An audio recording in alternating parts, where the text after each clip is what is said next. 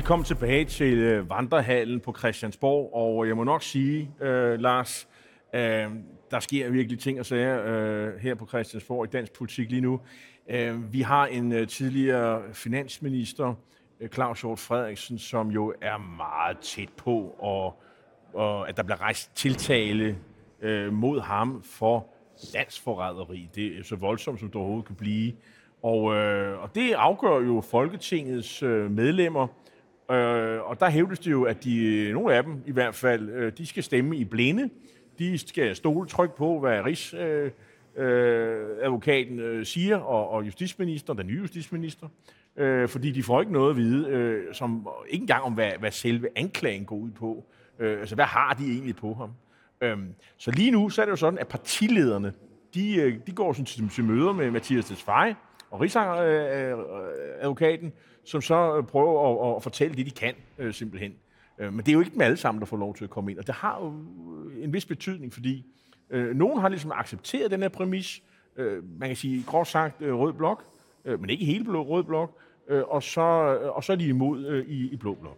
Men der er ligesom et parlamentarisk spil her omkring det at ophæve Claus Hjort Frederiksens parlamentarisk immunitet. Og det kører frem og tilbage nu. Men nede under det her, eller snarere måske ovenover det her, ja, der er der jo selve sagen. Og der hævder Claus Hjort Frederiksen selv, at han ikke har sagt andet i de flere interviews, han har givet, end hvad der allerede var offentligt kendt. Og det er ligesom hans øh, forsvarslinje. Han har i virkeligheden kun ligesom sagt ting, som enhver kunne have læst i avisen eller hørt. For, for, for otte år siden, tror ja. jeg. Ja. Spørgsmålet er bare, om det er rigtigt. Fordi hvis man graver ned i de udtalelser, Claus Hjort Frederiksen er kommet med, så vil jeg våge den påstand, at det er en falsk forestilling, han selv fremfører om, at han ikke skulle have talt over sig, at han ikke skulle være kommet med nogle faktuelle nye oplysninger. Det var i 2014 Dagbladet Information, der på baggrund af Edward Snowden, whistleblowerens øh, dokumenter, kunne beskrive, hvordan Danmark i samarbejde med USA tappede de kabler, internetkabler, der går under Danmark, og sugede data ud om i udgangspunktet udlændinge, men hvor man altså også suger oplysninger ind om blandt andet danske statsborgere, hvad Forsvarets efterretningstjeneste ikke må. Det er sådan, at det er politiets efterretningstjeneste, der står for, hvad der sker i Danmark, og Forsvarets efterretningstjeneste, der laver udenfor. Og her var påstanden altså, at Danmark Forsvarets efterretningstjeneste i samarbejde med USA havde tappet oplysninger. Det var ligesom, hvad vi havde offentligt kendt. Det var bare vel at mærke ikke nogen historier, der var blevet bekræftet for officielt hold. Det var altså nogle påstande på baggrund af whistleblower og anonyme kilder. Så den første afgørende ting her, det er altså, at Claus Hjort Frederiksen, som tidligere nævnte finansminister, men også forsvarsminister, bekræfter nogle forlydender, som hidtil ikke har været officielt autoriseret. Og den anden del er, at han så samtidig også beskriver ret detaljeret, hvordan man gennem årene har forsøgt ligesom at filtrere de her oplysninger og frasortere oplysninger om danskere. Men den meget tekniske beskrivelse, han har af de her filtre, det er altså nye oplysninger. Det var ikke noget, som hverken de journalister vidste dengang, eller nogle af de andre kilder, der har været frem. Så lad mig lige opsummere. Det vil sige, det der med at bare bekræfte det her samarbejde, det er ikke det i sig selv, der gør, at man nu øh, har, har valgt at rejse en tiltale. Øh, det er i hvert fald det, man forsøger, at man skal ophæve hans immunitet. Det, det er jo sådan ifølge grundloven, at man skal ophæve en, øh, en folketingspolitisk immunitet. Og normalt plejer det at være sådan en formsag, kan man sige, fordi også øh, en politiker er jo interesseret i at, at blive renset, kan man sige. Så det, så, så det, det er det, der er det nye. Men det tricky er jo, at man ikke kan få at vide, hvad han egentlig er anklaget for. Øh, og, øh, og, og, og retssagen ved vi jo allerede nu, den bliver ført i det gedulte. Altså, den, den, den, den bliver ikke offentlig. Men, men ja, det der bare min pointe, det er, at mere gedult er det jo ikke. Fordi Claus Hjort Frederiksen har jo i det åbne for rullende tv-kameraer, for øh, podcast-mikrofoner, har jo fortalt om det, og er altså fremkommet med detaljerede oplysninger det om det her samarbejde, det som ikke har været kendt før. Og det vil sige, det må jo så, de kan allerede regne ud nu, det må jo være blandt andet øh, et interview i Weekendavisen, han har haft øh, med Martin Krasnik øh, i det program, der hedder Avistid. Det må næsten være det program, ja, øh, du, du det, det, det er blandt andet den podcast øh, i Weekendavisen Avistid. Det er også det TV2 News-program, der hedder Libert. Og det, der ligesom er en skærpende omstændighed, det er, at han i begge seancer erkender, at han gør det med forsæt. Forstået mm. på den måde, at han er bevidst om, han siger lige frem, at nu, nu nævner han nogle oplysninger, som han risikerer at blive dømt for at sige, men tilføjer så, at så må det jo gå sin gang, eller så, altså med nogle andre ord, men altså, at, at, at så må det jo ske, som det nogle gange sker. Så han altså er opmærksom på i situationen, hvor han røber de her deciderede oplysninger, at han gør noget, han ikke, så han inkriminerer sig selv,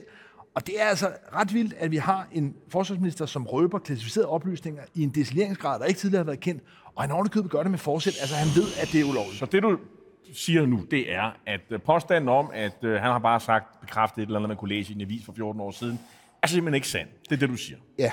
Men man kan sige, øh, det gør vel ikke den store forskel, hvis, man, hvis det er sådan, at øh, de enkelte folketingsmedlemmer de skal stemme i blinde, og jo ikke kender anklageskriftet. De, kender, de ved jo ikke, hvad han er anklaget for i virkeligheden. Øh, de skal bare have tillid til, at, at, at Rigsantikvaren, øh, øh, som jeg har glemt, øh, antikvaren, Rigsadvokaten, det er det, han hedder. Det er det, han er, øh, Rigsantikvaren, det, det, det, det skal nok gå. Øh, øh Rigsantikvaren, øh, Reckendorf, tror jeg, han hedder, øh, og, øh, og hvad hedder det, Mathias Tesfaye, at øh, de har styr på det. Øh, de, det er gode mennesker, der kun vil det bedste øh, for os alle sammen. Og når de øh, siger, øh, anklagemyndigheden siger det her, og, og det er justitsministeren, der er den højeste anklagemyndighed, han kan ikke bare gemme sig og sige, det har han ikke noget med at gøre osv. Det, det, er jo, det er jo et faktum. Det er en politiker, mm der skal på vegne af os alle sammen, regeringen i virkeligheden, øh, rejse den tiltale. Og, og, og, og, og, så, og, og, og, og, og, og, når det sker, jamen så, så beder han jo alle, så de folketingsmedlemmer, siger, det, I, I må gøre det med, med tillid til os. Men, men vi har jo lidt et sammensurium af forskellige retsprincipper, som støder lidt sammen her. Altså det, som øh, oppositionen og også enhedslisten altså henviser til, det er det princip om åbenhed i retsplejen. Mm. At man, altså en ting er, at politiet i efterforskningen kan holde nogle ting hemmeligt, men når det først kommer frem til en dommer, og der skal være en retssag, ja, så skal beviserne åbent frem, så skal man vide i offentligheden, hvad det er, der sker. Det er ligesom åbenheden i retsplejen. Overfor det står der jo så det hensyn, at vi her har at gøre med en øh, videregivelse af klassificerede oplysninger, som er statshemmeligheder, som jo normalt også vil køre for lukkede døre. Og oven i det, som det tredje ben, ja, der har vi altså den her lidt særlige konstruktion med parlamentarisk immunitet for et folketingsmedlem. Fordi hvis det havde været en hvilken som helst anden person, så ville tiltalen allerede været berejst. Men det, der altså er status lige nu, det er, at Rigsadvokaten har anmodet om at få lov til at tiltale Mathias Tesfaye, som justitsminister, ny justitsminister, har så lidt besynderligt valgt at sige, det gør han anbefaler han ikke i første omgang. Nej, han vil først have Folketinget med. Men... Så det vil sige, at han øh, går ikke for og siger, jeg synes, at der skal rejses tiltale. Det gør han ikke. Han siger, øh, Folketinget skal lige udtale sig, og så, når, jeg, når så ser, at der er flertal, så kommer jeg og siger, ja. nu skal der rejses tiltale. Hvorfor egentlig det? Altså, hvis han mener, der skal rejses tiltale, hvorfor ikke bare spille klart ud og sige, det mener jeg, det synes jeg har kigget på, hvad der siger, jeg kan godt nok ikke argumentere for det, fordi så begynder jeg jo selv at, at, at, at få en sag på halsen i virkeligheden, så bliver det helt store cirkus, mere end det er i forvejen, det tror jeg alle kan se. Så, øh, så det, det er jo sådan lidt kyllingagtigt. Ja. Og det betyder jo også, vi kan ikke øh, undgå at sige, at det her er jo et, der er noget politik, der er et politisk element i det her. Mm. Men, men, men, men det der så bare, nu for lige at, at, at komplicere det, men forhåbentlig også at opklare det som det sidste del af det, det er, at den parlamentariske immunitet, man lige nu kæmper om, at ophæve for Claus Hjort Frederiksen, den gælder kun indtil valget. For Claus Hjort Frederiksen, der er 74 år, har allerede fortalt, at han ikke genopstiller ved næste valg. Det vil sige, at når Mette Frederiksen udskriver folketingsvalg, så udtræder Claus Hjort af Folketinget, og så ophører hans immunitet. Og det gælder ikke kun Altså med de nye ting, han måtte kunne blive tiltalt for. Nej, det gælder også bagudrettet for de ting, han har foretaget sig, mens han var folketingsmedlem. Så det vil sige, at han er kun beskyttet frem til næste valg, og det ved vi, der er kun et år til. Ja, så derfor er Claus Hjort Frederiksens problem altså her, vil jeg sige, hvis man skal summe det sammen, at han et helt offentligt og frit tilgængeligt er kommet med oplysninger, som har en detaljeringsgrad om klassificerede oplysninger, som ikke tidligere var kendt, og to, at den beskyttelse, han har lige nu, ja, det er altså en stakket frist, fordi når folketingsvalget kommer, ja, der vil anklagemyndigheden helt som med dig og mig og alle andre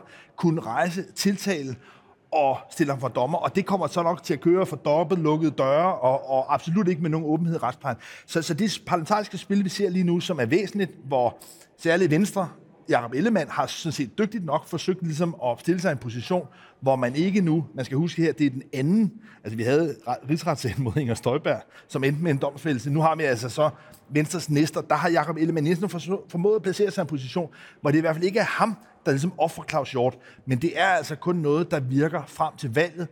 Og min vurdering vil være, at hvis anklagemyndigheden vurderer, at der er en sag, så kommer Claus Hjort Frederiksen til at blive stillet for en dommer. Spørgsmålet er i viden kun, hvornår. Men vi ved indtil videre, at SF har tænkt sig at stemme for at ophæve immuniteten. Det ved vi, der er de med, meddelt her i dag. Øh, jeg forventer, at de radikale gør det samme, og det samme med Socialdemokratiet. Så det er i hvert fald tre store partier. Øh, måske en Lars Løkke, måske nogle af de her øh, mange løsgængere, der er efterhånden, så mange jeg har ligget styr på dem. I den anden øh, lejr, der har vi jo set folk som øh, Øh, partier som Nye Borgerlige klart sige, det vil de ikke, og de vil ikke engang gå ind og høre øh, på øh, Rigsadvokatens øh, som jeg siger, øh, forklaring.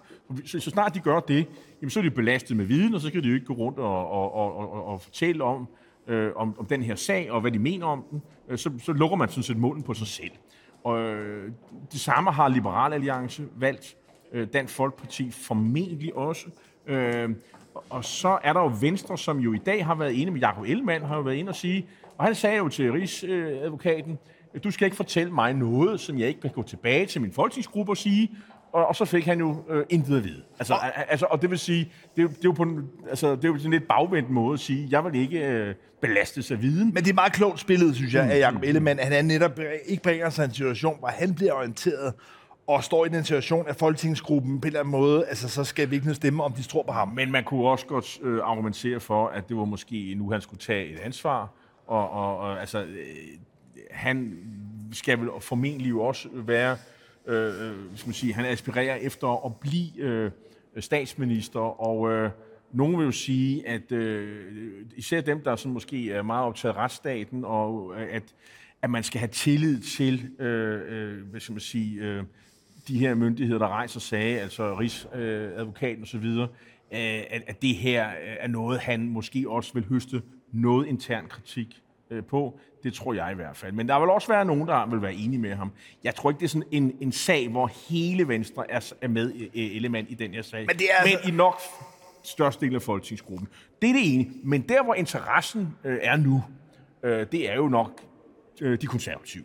Fordi øh, der havde, havde vi jo en udtalelse fra Pape i går, hvor han jo sådan set siger, at, at, at øh, det skal jo ikke være sådan, at man går og røber hemmeligheder, og så kan man bringe sig i en situation, hvor man sådan set ikke øh, bliver tiltalt. Og, og, altså, og han er jo tidligere justitsminister øh, selv, og, øh, og øh, så øh, vi ved ikke, hvor de konservative ender.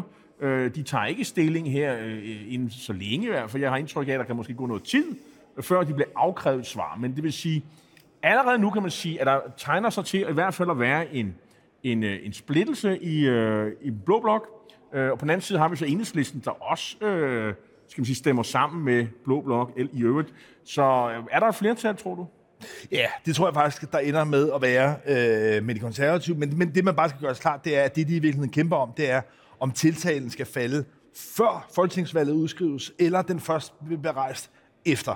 Og jeg tror bare, at den faktor vil også spille ind i forhold til, hvis man alligevel ikke kan forhindre, at Claus Hjort Frederiksen bliver tiltalt for meget voldsom forbrydelse. Altså, det er en meget høj straframme, op til 12 års fængsel. Men, men, der er her, men, altså, kan, man, kan, man sådan, øh, kan man så sige, at nu kan vi ikke lige få ophævet hans øh, politiske immunitet, så sylter vi sagen sådan et, et års tid, og så tager vi den op igen. Kan man det? Er, ja. det, er, det, er det en måde sådan at agere på i retssamfundet? Ja, det, det, vil, det vil tiden vise. Altså, jeg tror ikke, man har jo ikke mange øh, fortilfælde. Det her er jo ikke en paragraf, der har været bragt i anvendelse øh, men mange det tror, gange. Men, men, men det, vi kommer til at se her, det er i hvert fald, at øh, øh det er jo ikke en super øh, sag for regeringen at, at rejse så alvorligt, for, og, for vi kommer ikke udenom, at det er regeringen, der rejser den her anklage øh, mod øh, tiltale mod øh, landets tidligere forsvarsminister, landets tidligere finansminister, kæmpe navn i, i oppositionen, markant mand i, i Venstre sidste 30 år, at uden at det bliver politisk, det havde jo været rart for regeringen, hvis der havde været et, et folketing, der enstemmigt havde, det plejer det jo at være, det ved vi jo, mm. det plejer jo at være, øh, altså når du kommer tilbage i tilfælde, så er der sådan enkelte tilfælde med Fremskridspartiet og VS, der har stemt imod og sådan men det, det er sådan, normalt plejer der overhovedet ikke at være øh, nogen øh, øh, dissens i det her spørgsmål, så det er jo det er jo virkelig ikke godt. Nogle af de... og, og, og det er jo også en sag, hvor der kan bygges alle mulige øh, historier op om, øh, at Mette Frederiksen og hendes regering har gedulte motiver, og hvad ved jeg. Men nogle af de gilder, jeg har talt med, altså fremhæver også en, øh, en mulig kattelem. Mm. Det er, at man simpelthen afklassificerer nogle af de oplysninger, som Claus Hjort Frederiksen er kommet til at røbe. Fordi det er nogle gange sådan, at man kun kan blive tiltalt for at røbe klassificerede oplysninger.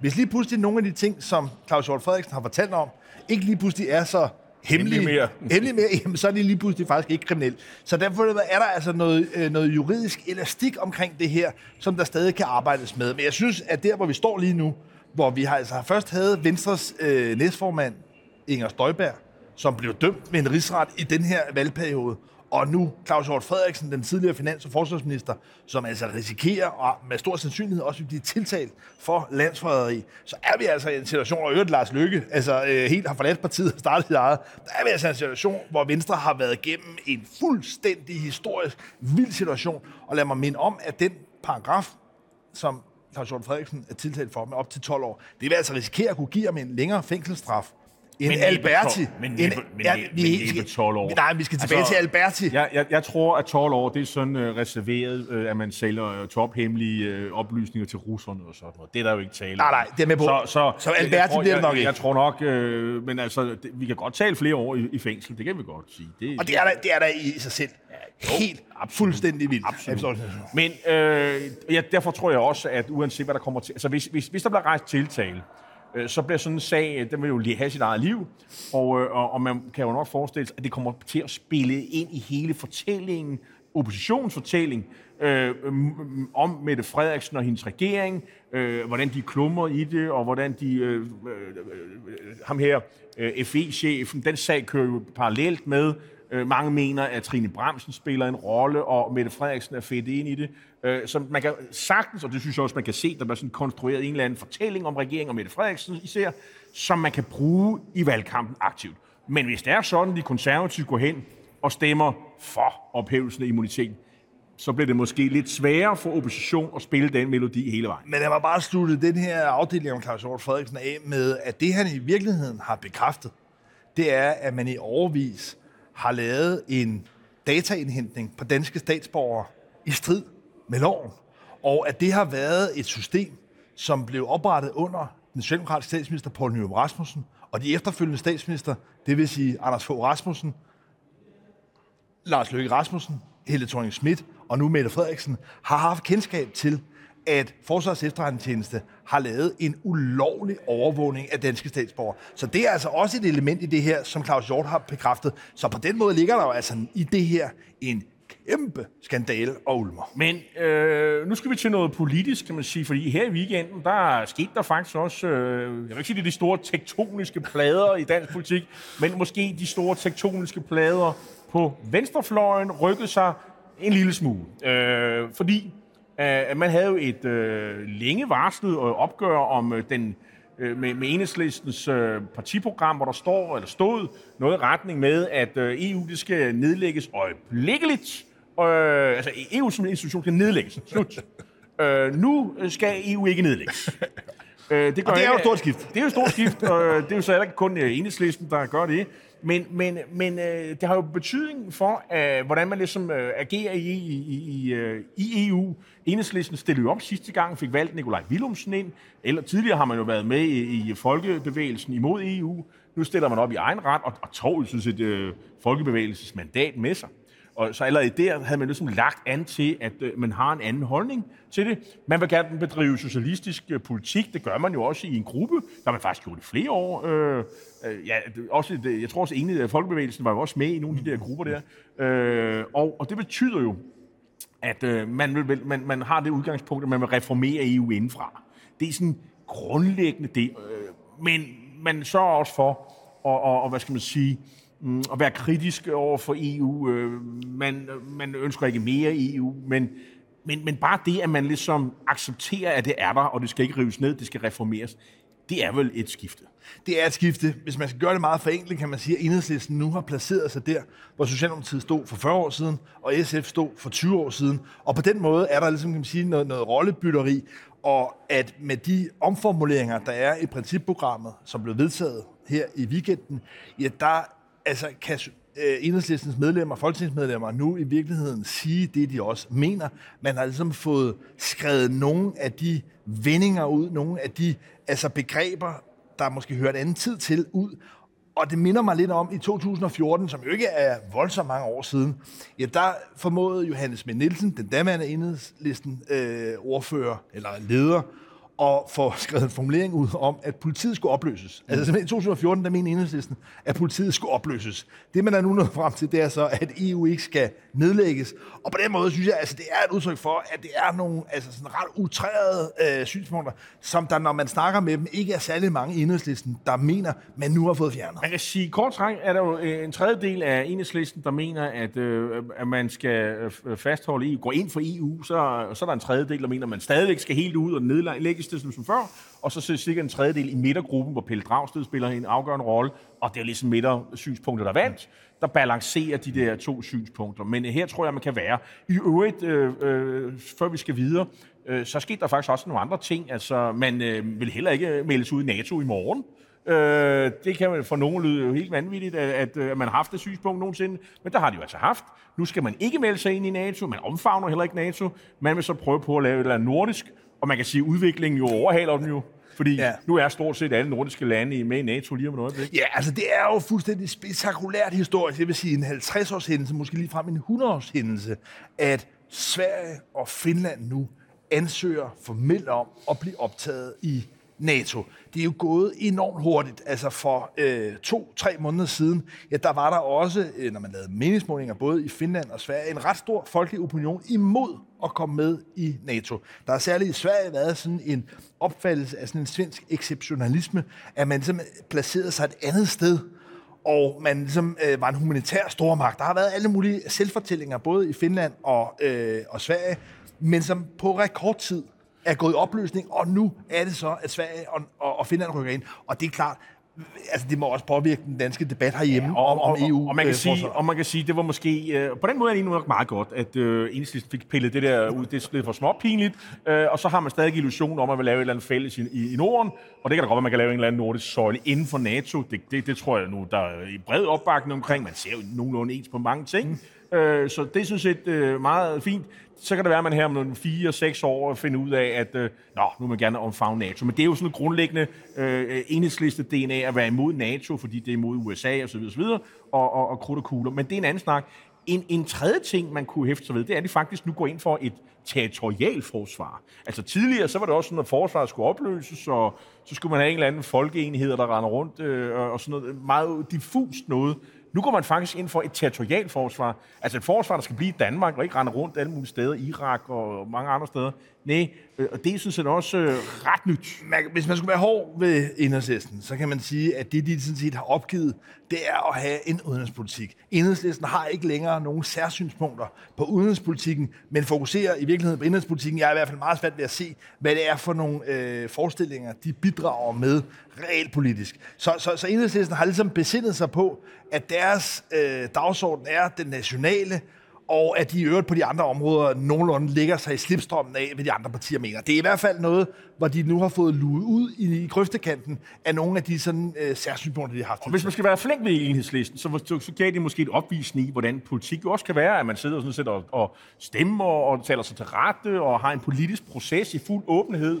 Øh, jeg tror, det var Søren Pind, der sagde, tænk hvis der var borgerlige partier, der, der gjorde sådan. Det kunne jo være meget forfriskende. Øh, så det var øh, på, på mange måder, tror jeg, synes, det har været meget godt for enhedslisten at, at få luet nogle af de der pinligheder, øh, og, og så i øvrigt forvente til noget positivt. Øh, at man er et, et mere reformorienteret, moderne parti, der måske tager lidt, lægger lidt afstand til, til, til ting, man, man, man havde med fra, fra gamle kommunistiske partier osv. Men den helt store historie i dag, øh, det er nok kun i dag en stor historie, men det er en stor historie, det er, at øh, kristendemokraterne jo de facto er gået i graven. Altså, øh, tilbage for, for to valg siden i, i 2015, der dukkede øh, et fænomen op, der hed øh, øh, Isabel Arndt, øh, øh, smuk, øh, må man nok sige, ung kvinde, øh, som havde øh, Øh, skærmtække, som talte lige ud af posen, og som fuldstændig overtog scenen efter den daværende formand, som ingen kan huske øh, længere, hvad, hvad hed. Øh, og, og meget hurtigt var kristendemokrat til, øh, hurtigt til at sadle om. Hun blev formand for det der foretagende, og, og, og stod i spidsen også for partiet sidste gang, hvor de var ganske få hundrede stemmer for at komme i Folketinget. Men nu har hun i dag meddelt, at hun har sådan set meldt sig helt ud af partiet. Hun har tabt lysten for det. Hun, har, øh, hun kan simpelthen ikke se sig selv i det, i det parti mere. Hun antyder, hun er blevet modarbejdet internt.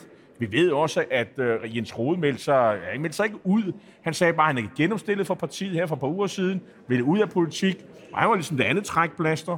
Øh, så det er vel slut for kristendemokraterne, ja. eller hvad?